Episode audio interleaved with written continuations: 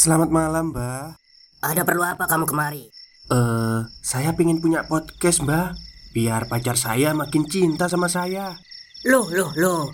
Mau bikin podcast kok tanya dukun? Sekarang kamu download aplikasi Anchor.fm. Di situ kamu bisa buat podcast gratis dan podcast kamu bisa didistribusikan ke platform mana pun. Dan di aplikasi atau website Anchor.fm juga terdapat fitur-fitur yang memudahkan kamu untuk membuat podcast. Oh, gitu ya, Mbak. Kalau gitu, saya boleh minta password wifi-nya, Mbak. Buat apa? Buat download Anchor.fm, Mbak.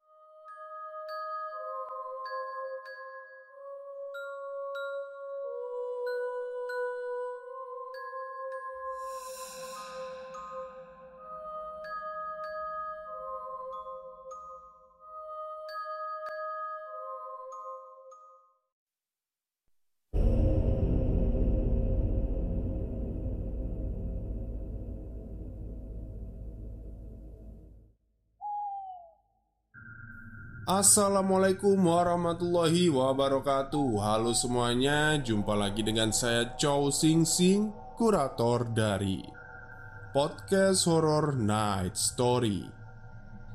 Halo, apa kabar semuanya? Semoga kalian semua sehat-sehat ya.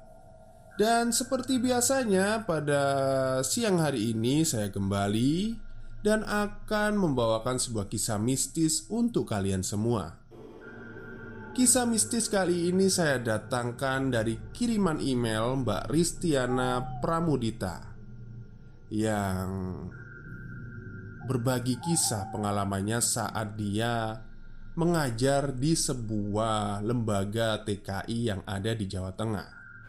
Seperti apa kisahnya? Mari kita simak. Assalamualaikum warahmatullahi wabarakatuh Perkenalkan nama saya Eka Ristiani. Saya seorang wanita. Saya biasa dipanggil Risti. Kepekaan saya baru beberapa tahun ini terbuka Dan masih harus banyak belajar. Saya mau sedikit bercerita tentang pengalaman saya ketika bekerja di LPTKI Di salah satu kabupaten di Jawa Tengah Bangunan ini sebelumnya adalah bekas toko yang menjual bahan bangunan. Sebelum saya mulai bercerita, saya terlebih dahulu ingin menjelaskan bahwa toko dan nama tempat di sini sudah disamarkan, dan banyak tokoh-tokoh yang tidak bisa saya perjelas identitasnya karena mencakup banyak tokoh. Oh ya, satu lagi, kalian ingat tidak kisah yang pernah dikirim oleh Mbak Medina? Tentang susu kuntilanak. Itu saya sebagai narasumbernya. Jadi di sini saya ingin menjelaskan sedikit bahwa saya belum lihat lagi kondisi si Dewi. Karena saya masih berada di luar negeri. Jadi mohon maaf jika ceritanya menggantung. Pada bulan Juli 2018 saya sebenarnya sedang menunggu keberangkatan saya ke negara Formosa, Taiwan. Sepulangnya saya dari negeri beton, Hong Kong, 2017 tahun yang lalu. Sembari menunggu keberangkatan ke negara Taiwan, saya ditawari pekerjaan sebagai guru penerjemah bahasa Kantonis, bahasa Hong Kong, oleh teman kakak saya yang kebetulan adalah sponsor atau calo yang menawari pekerjaan menjadi TKI. Tanpa pikir panjang, saya langsung mengiyakan saja tawaran itu. Ibarat peribahasa, sambil menyelam minum air. Sambil menunggu proses keberangkatan, saya dan bisa menghasilkan uang. Hari itu saya berangkat ke lembaga tersebut yang jaraknya cukup jauh dari rumah saya. Saya diantar oleh teman kakak saya itu tapi saya mengendarai sepeda motor saya sendiri. Sesampainya di sana, saya langsung diminta memasuki ruangan kepala kantor cabang lembaga itu. Namanya Pak Husni, karena memang sedari tadi beliau sudah menunggu saya. Saya langsung diwawancarai oleh beliau. Lembaga ini memiliki kantor pusat di Semarang, dan beberapa kantor cabang adalah salah satunya di sini. Pak Husni pun berkata, Selamat siang, Mbak Eka Ristiana ya? Iya pak, panggil aja saya Risti Ucapku menjawab pertanyaan Pak Usni uh, Saya ingin meminta bantuan kepada Mbak Risti. Kebetulan di sini sedang kekosongan guru bahasa kantonis Karena guru yang lama sedang cuti melahirkan Jadi selama beberapa bulan ke depan Kelas Hongkong kosong Dan saya ingin Anda mengajar di sini Bagaimana? Mbak Risti bersedia? Sebelumnya saya minta maaf kepada Bapak dan staf di sini. Saya ingin menjelaskan bahwa sebenarnya saya juga sedang proses, Pak, keberangkatan ke Taiwan. Kalau sekiranya nanti sewaktu-waktu saya ada panggilan ke lembaga tempat saya mendaftar hanya untuk sekedar tanda tangan atau urusan lain, apa Bapak mengizinkan? Ucap Risti menjelaskan. Oh, tidak apa-apa, Mbak. Kami mengerti. Tapi apa Mbak Risti tidak belajar bahasa Mandarin? Kan seharusnya Mbak Risti juga belajar Pak Usni pun menjelaskan pertanyaan Risti sembari duduk di kursinya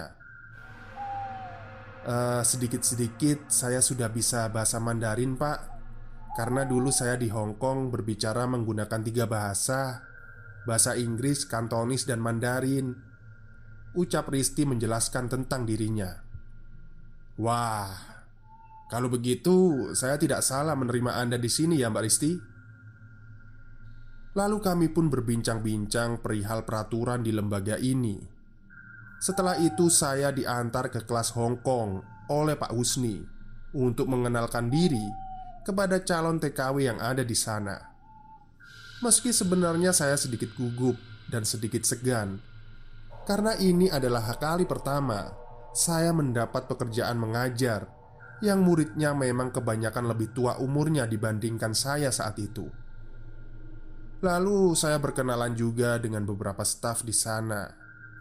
Setelah semuanya sudah dirasa cukup dan serah terima jabatan pun sudah selesai, saya memutuskan untuk pulang ke rumah terlebih dahulu, mengambil pakaian dan beberapa kebutuhan saya selama satu minggu ke depan, karena saya harus menginap di sana. Hari Sabtu dan Minggu barulah kita diliburkan dan diperbolehkan untuk izin pulang. Jaraknya terlalu jauh jika harus saya tempuh bolak-balik. Apalagi saya perempuan berkendara sendiri melewati persawahan yang sepi. Keesokan harinya saya berkendara sendiri berangkat ke rumah jam 6 dan sampai di sana sekitar pukul 7 lebih 15. Setelah itu, saya langsung memarkirkan motor saya dan lekas menuju kamar yang sudah dipersiapkan untuk saya. Dari semenjak saya masuk ke sini, saya sudah merasakan ada hal yang ganjil di beberapa sudut tempat ini dan juga kamar yang akan saya tempati. Di kamar ini ada sosok perempuan dengan gaun putih lusuh selutut, rambutnya panjang tapi cara berjalannya kakinya diseret. Seperti biasanya saya hanya diam dan pura-pura tidak melihatnya Karena takut membuat panik semua orang. Dan saya pun tidak mau membongkar identitas saya yang bisa melihat mereka. Kami pun berbincang-bincang di sana dengan beberapa mbak-mbak Yang sedang duduk menunggu rutinitas di pagi hari. Mulai dari melakukan piket harian senam, mandi, makan, dan absensi. Barulah mulai kegiatan belajar mengajar di kelas negara tujuan masing-masing. Sekitar jam 8 pagi Kami mulai belajar Dan untuk pertama kalinya saya mengajar. Jujur, saya sedikit canggung berdiri di depan mereka Tapi saya selalu meyakinkan diri saya sendiri Saya bisa Dan prinsip saya saya di sini harus profesional bekerja tanpa membedakan siapa pun. Saya tegaskan kepada mereka, saya di sini hanya berbagi ilmu yang saya pelajari selama di sana. Respon mereka baik kepada saya selama saya mengajar. Mereka memanggil saya Losi. Dalam bahasa Kantonis artinya bu guru. Semuanya tampak normal seharian ini meski ada sosok-sosok yang tidak tanggung-tanggung berani menampakkan dirinya, tapi masih biasalah, dan saya pun tidak menghiraukan mereka.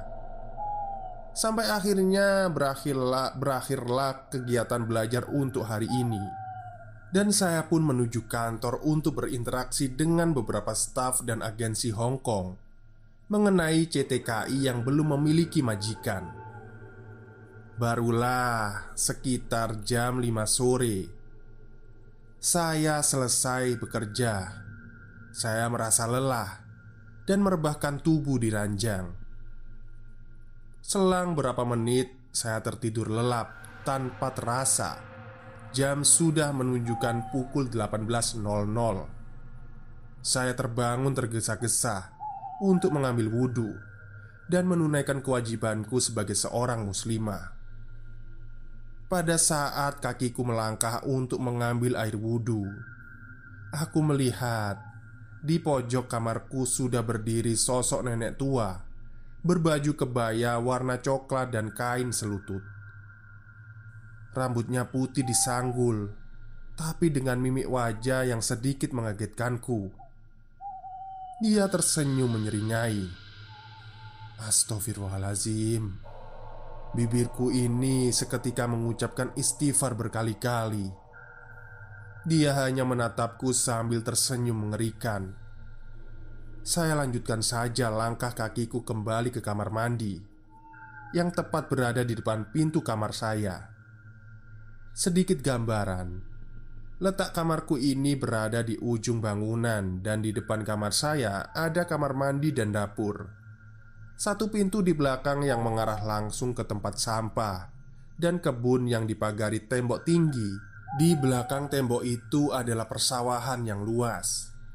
Di arah samping kamarku tempat jemuran dan kalau malam bisa kalian bayangkan Betapa sepi dan seramnya lokasi mes yang aku tinggali waktu itu Konon guru yang dulu sebelum saya Dia sering sekali kerasukan di kamar ini Dan aku berharap semoga tidak terpengaruh terhadapku Hawa di kamar ini memang sangat lembab tapi cukup panas karena kurangnya ventilasi.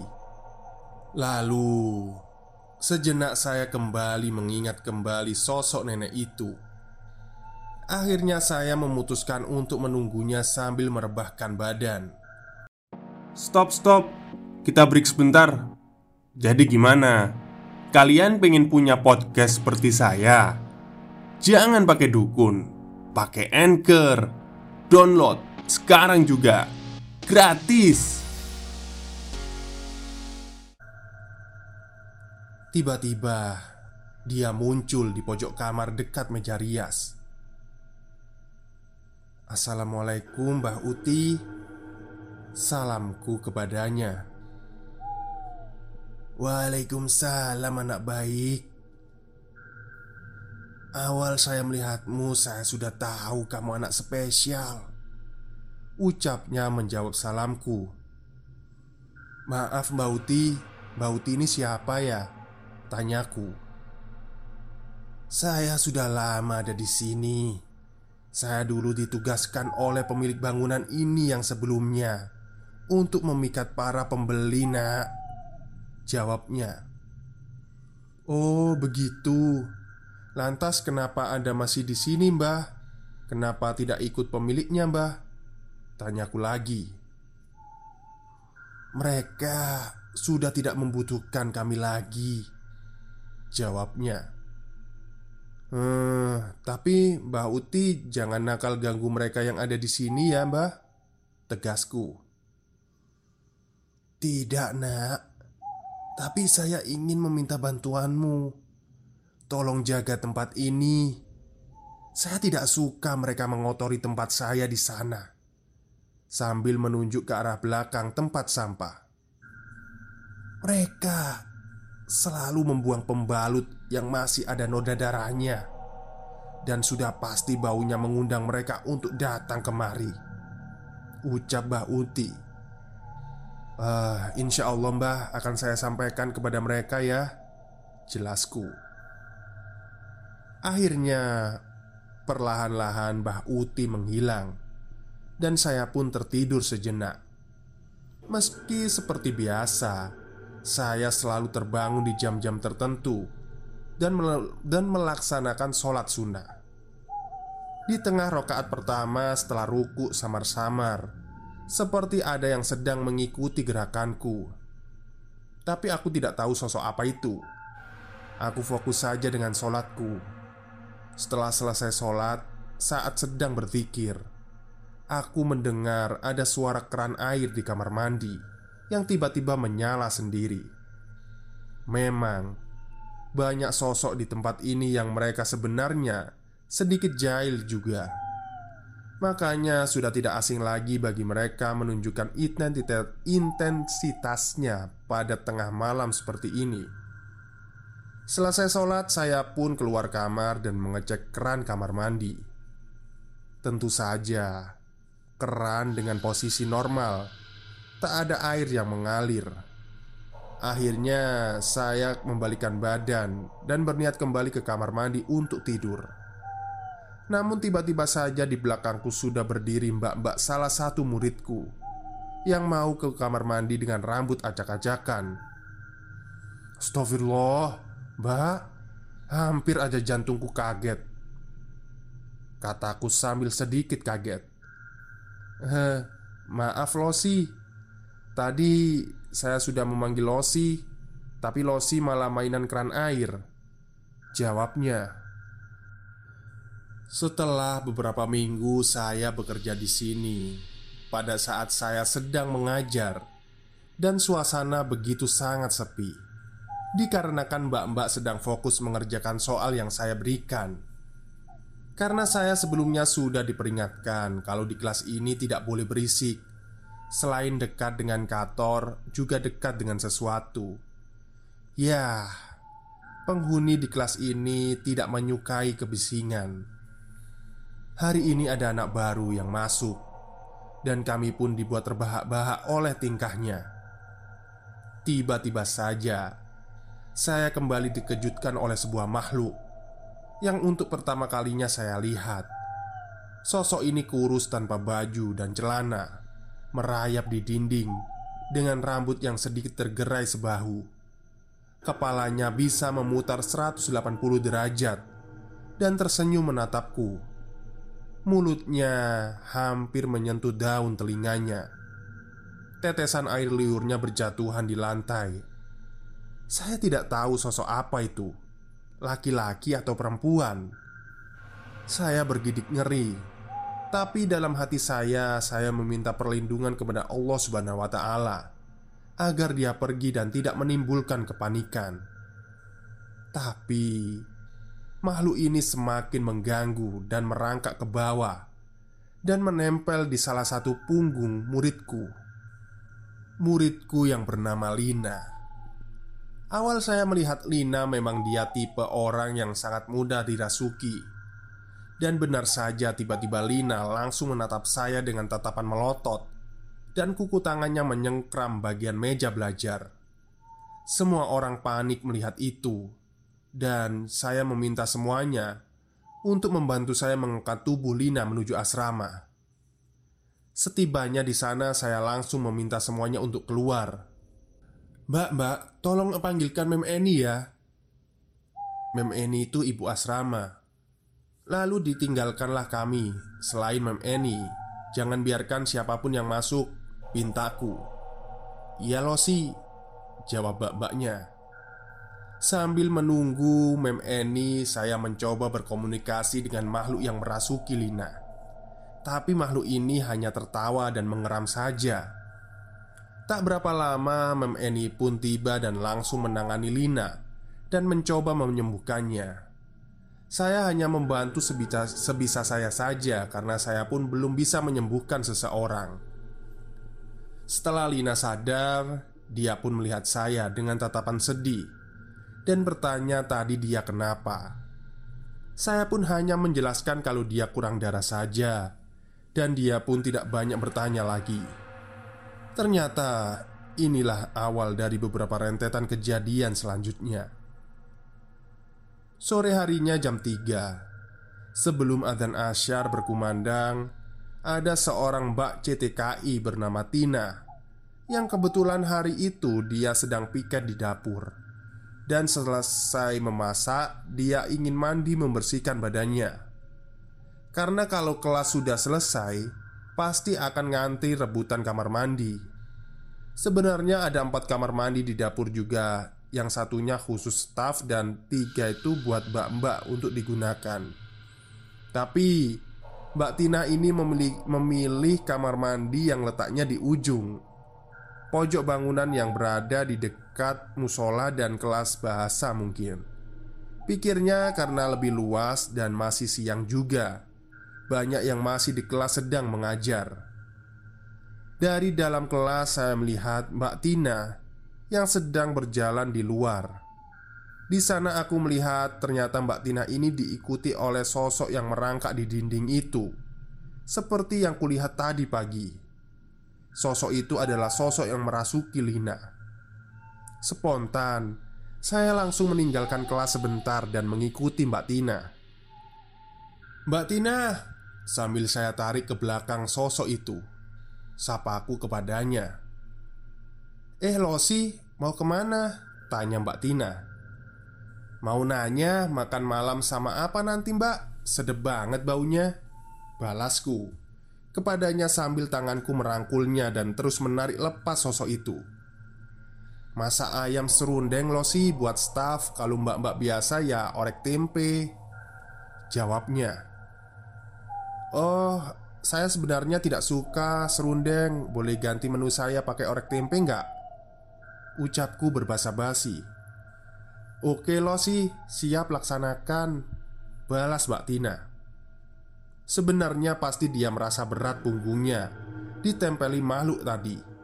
Tapi syukurlah sudah bisa dilepas Dan saya pun berbelok kembali ke kelas. Mungkin dia kebingungan Masa iya saya hanya minta orek saja? Saya pun hanya tersenyum dan melambaikan tangan. Malam harinya kami berkumpul untuk absen. Seperti biasa, saya hanya sendirian di kamar. Saya sambil menonton drakor kesayangan. Tapi tiba-tiba ada suara orang berlari dan mengetuk pintu kamar saya dengan keras sekali. "Ada apa, Mbak?" tanyaku. "Maaf mengganggu waktunya, Losi. Losi Risti diminta untuk menemani ke asrama sekarang. Mem Eni butuh bantuan losi, pintanya. Uh, ya sudah, ya sudah. Sebentar ya saya pakai hijab dulu, ucapku. Lalu saya segera memakai hijab saya dan jaket sambil berlari kecil dari kamar saya menuju asrama mbak-mbak. Sesampainya di sana, saya dikejutkan dengan beberapa sosok makhluk di pojok sana. Ada sekitar empat sosok wanita berwajah seram dan berbaju lusuh. Ada juga Mbah Uti dan sosok merayap yang sedang menempel di punggung Mbak Tina. Mem Eni terlihat sedang membantu Mbak Tina mengusir makhluk itu. Lalu, tanpa basa-basi, saya meminta sebagian mbak-mbak untuk keluar, sebagian lagi untuk membantu kami, karena Mbak Tina sudah setengah dirasuki. Setelah saya menarik sosok itu ke belakang, tapi tidak bisa, sudah terlambat dan masuk ke tubuh Mbak Tina. Akhirnya Mbak Tina menjerit menangis tertawa dan teriak. Dan tidak lama kemudian Di ujung pojok juga ada tiga orang lagi yang kerasukan. Saya dan Mem Eni sejenak saling menatap Dan hanya menggelengkan kepala. Jujur Tenaga kami sudah terkuras habis. Akhirnya kami memutuskan untuk memanggil Ustadz saja Untuk membantu kami. Karena sudah total lima orang yang kerasukan. Bahkan mbak yang di luar pun ikut kerasukan juga. Sampai tibalah Pak Husni Membawa salah seorang Pak Ustadz. Tapi beliau pun menyerah dan tidak sanggup. Saya pun tidak tahu alasannya pasti. Beliau kabur begitu saja. Akhirnya kembali saya dan Mem Eni yang berperang ketika salah satu di antara mereka sadar Kami memutuskan untuk memisahkan tempat mereka Dan membawa salah satunya ke kamar saya agar tidak ketularan lagi Setelah beberapa jam, kondisi sudah mulai terkendali.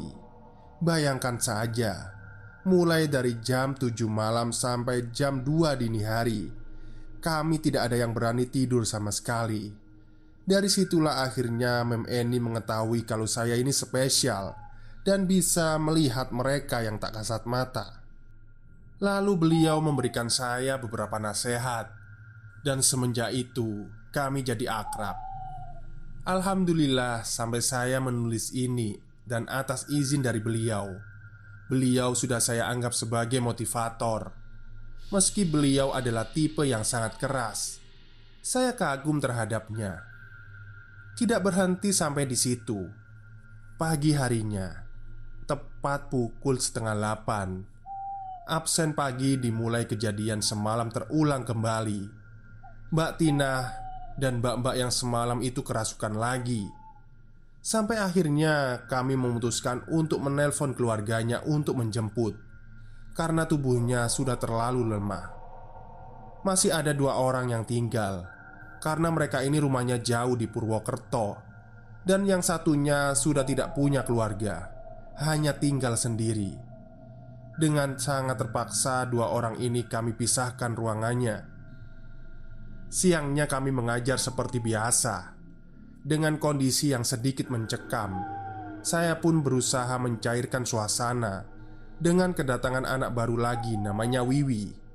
Lantas saya menyuruhnya untuk memperkenalkan diri Dan sedikit bercanda.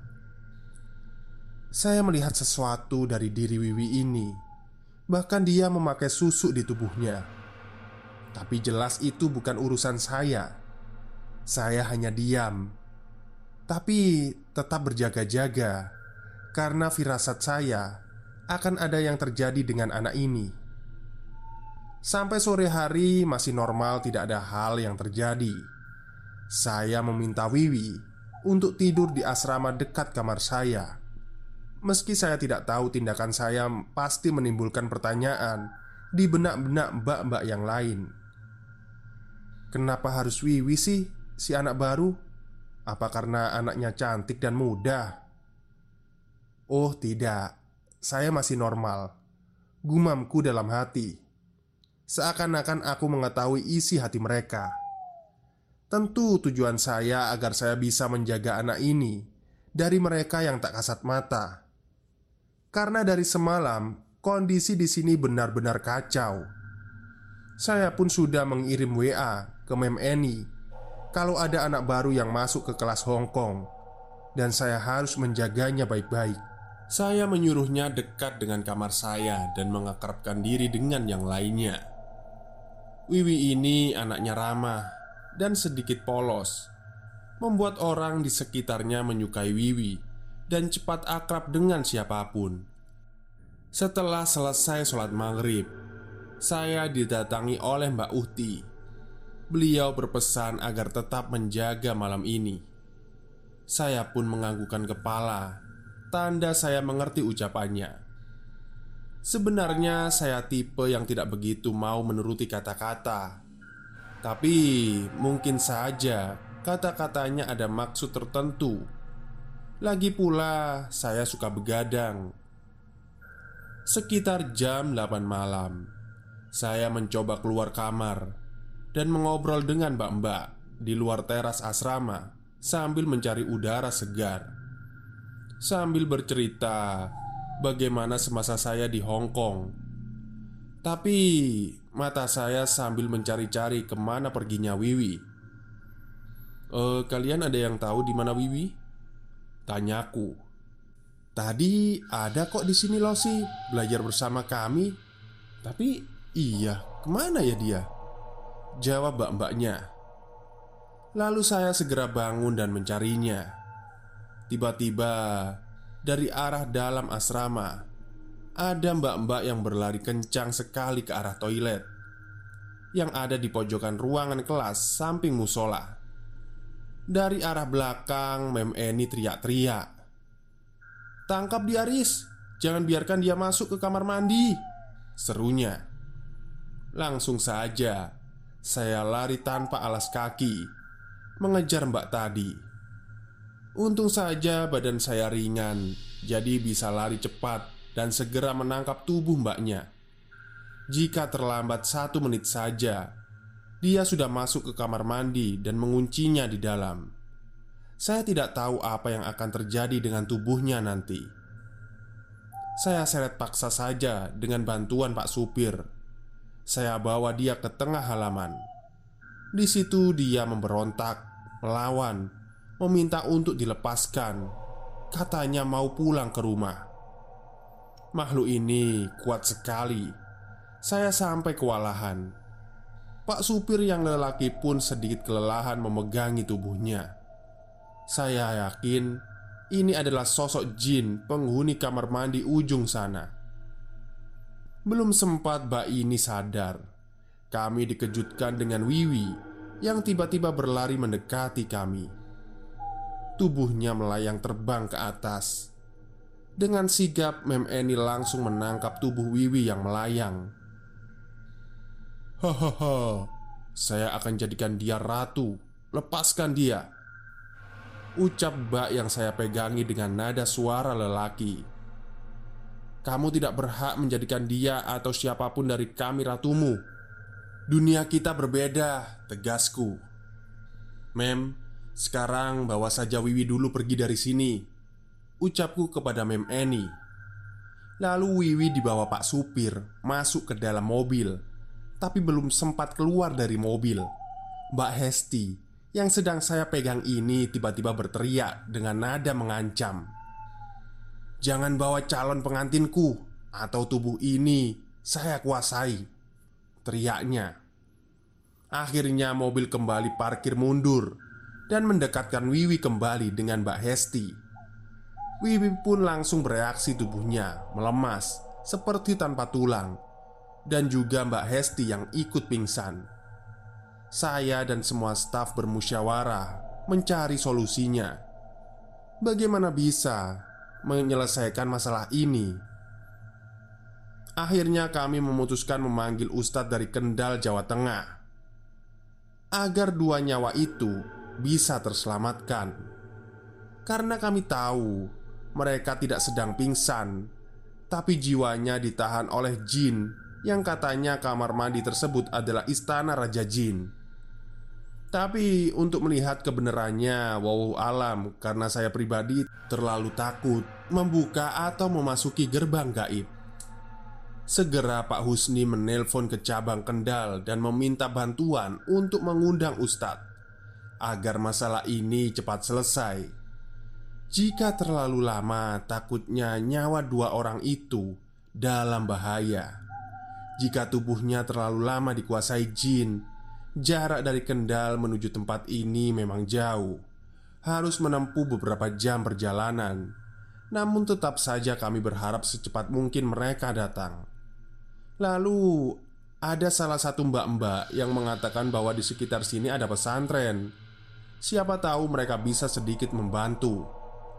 Tanpa berpikir lama Pak Husni langsung berangkat ke sana Dan meminta bantuan Pak Ustadz yang ada di sana Tak berapa lama datanglah Pak Husni membawa Ustadz dan dua orang lagi muridnya untuk membantu.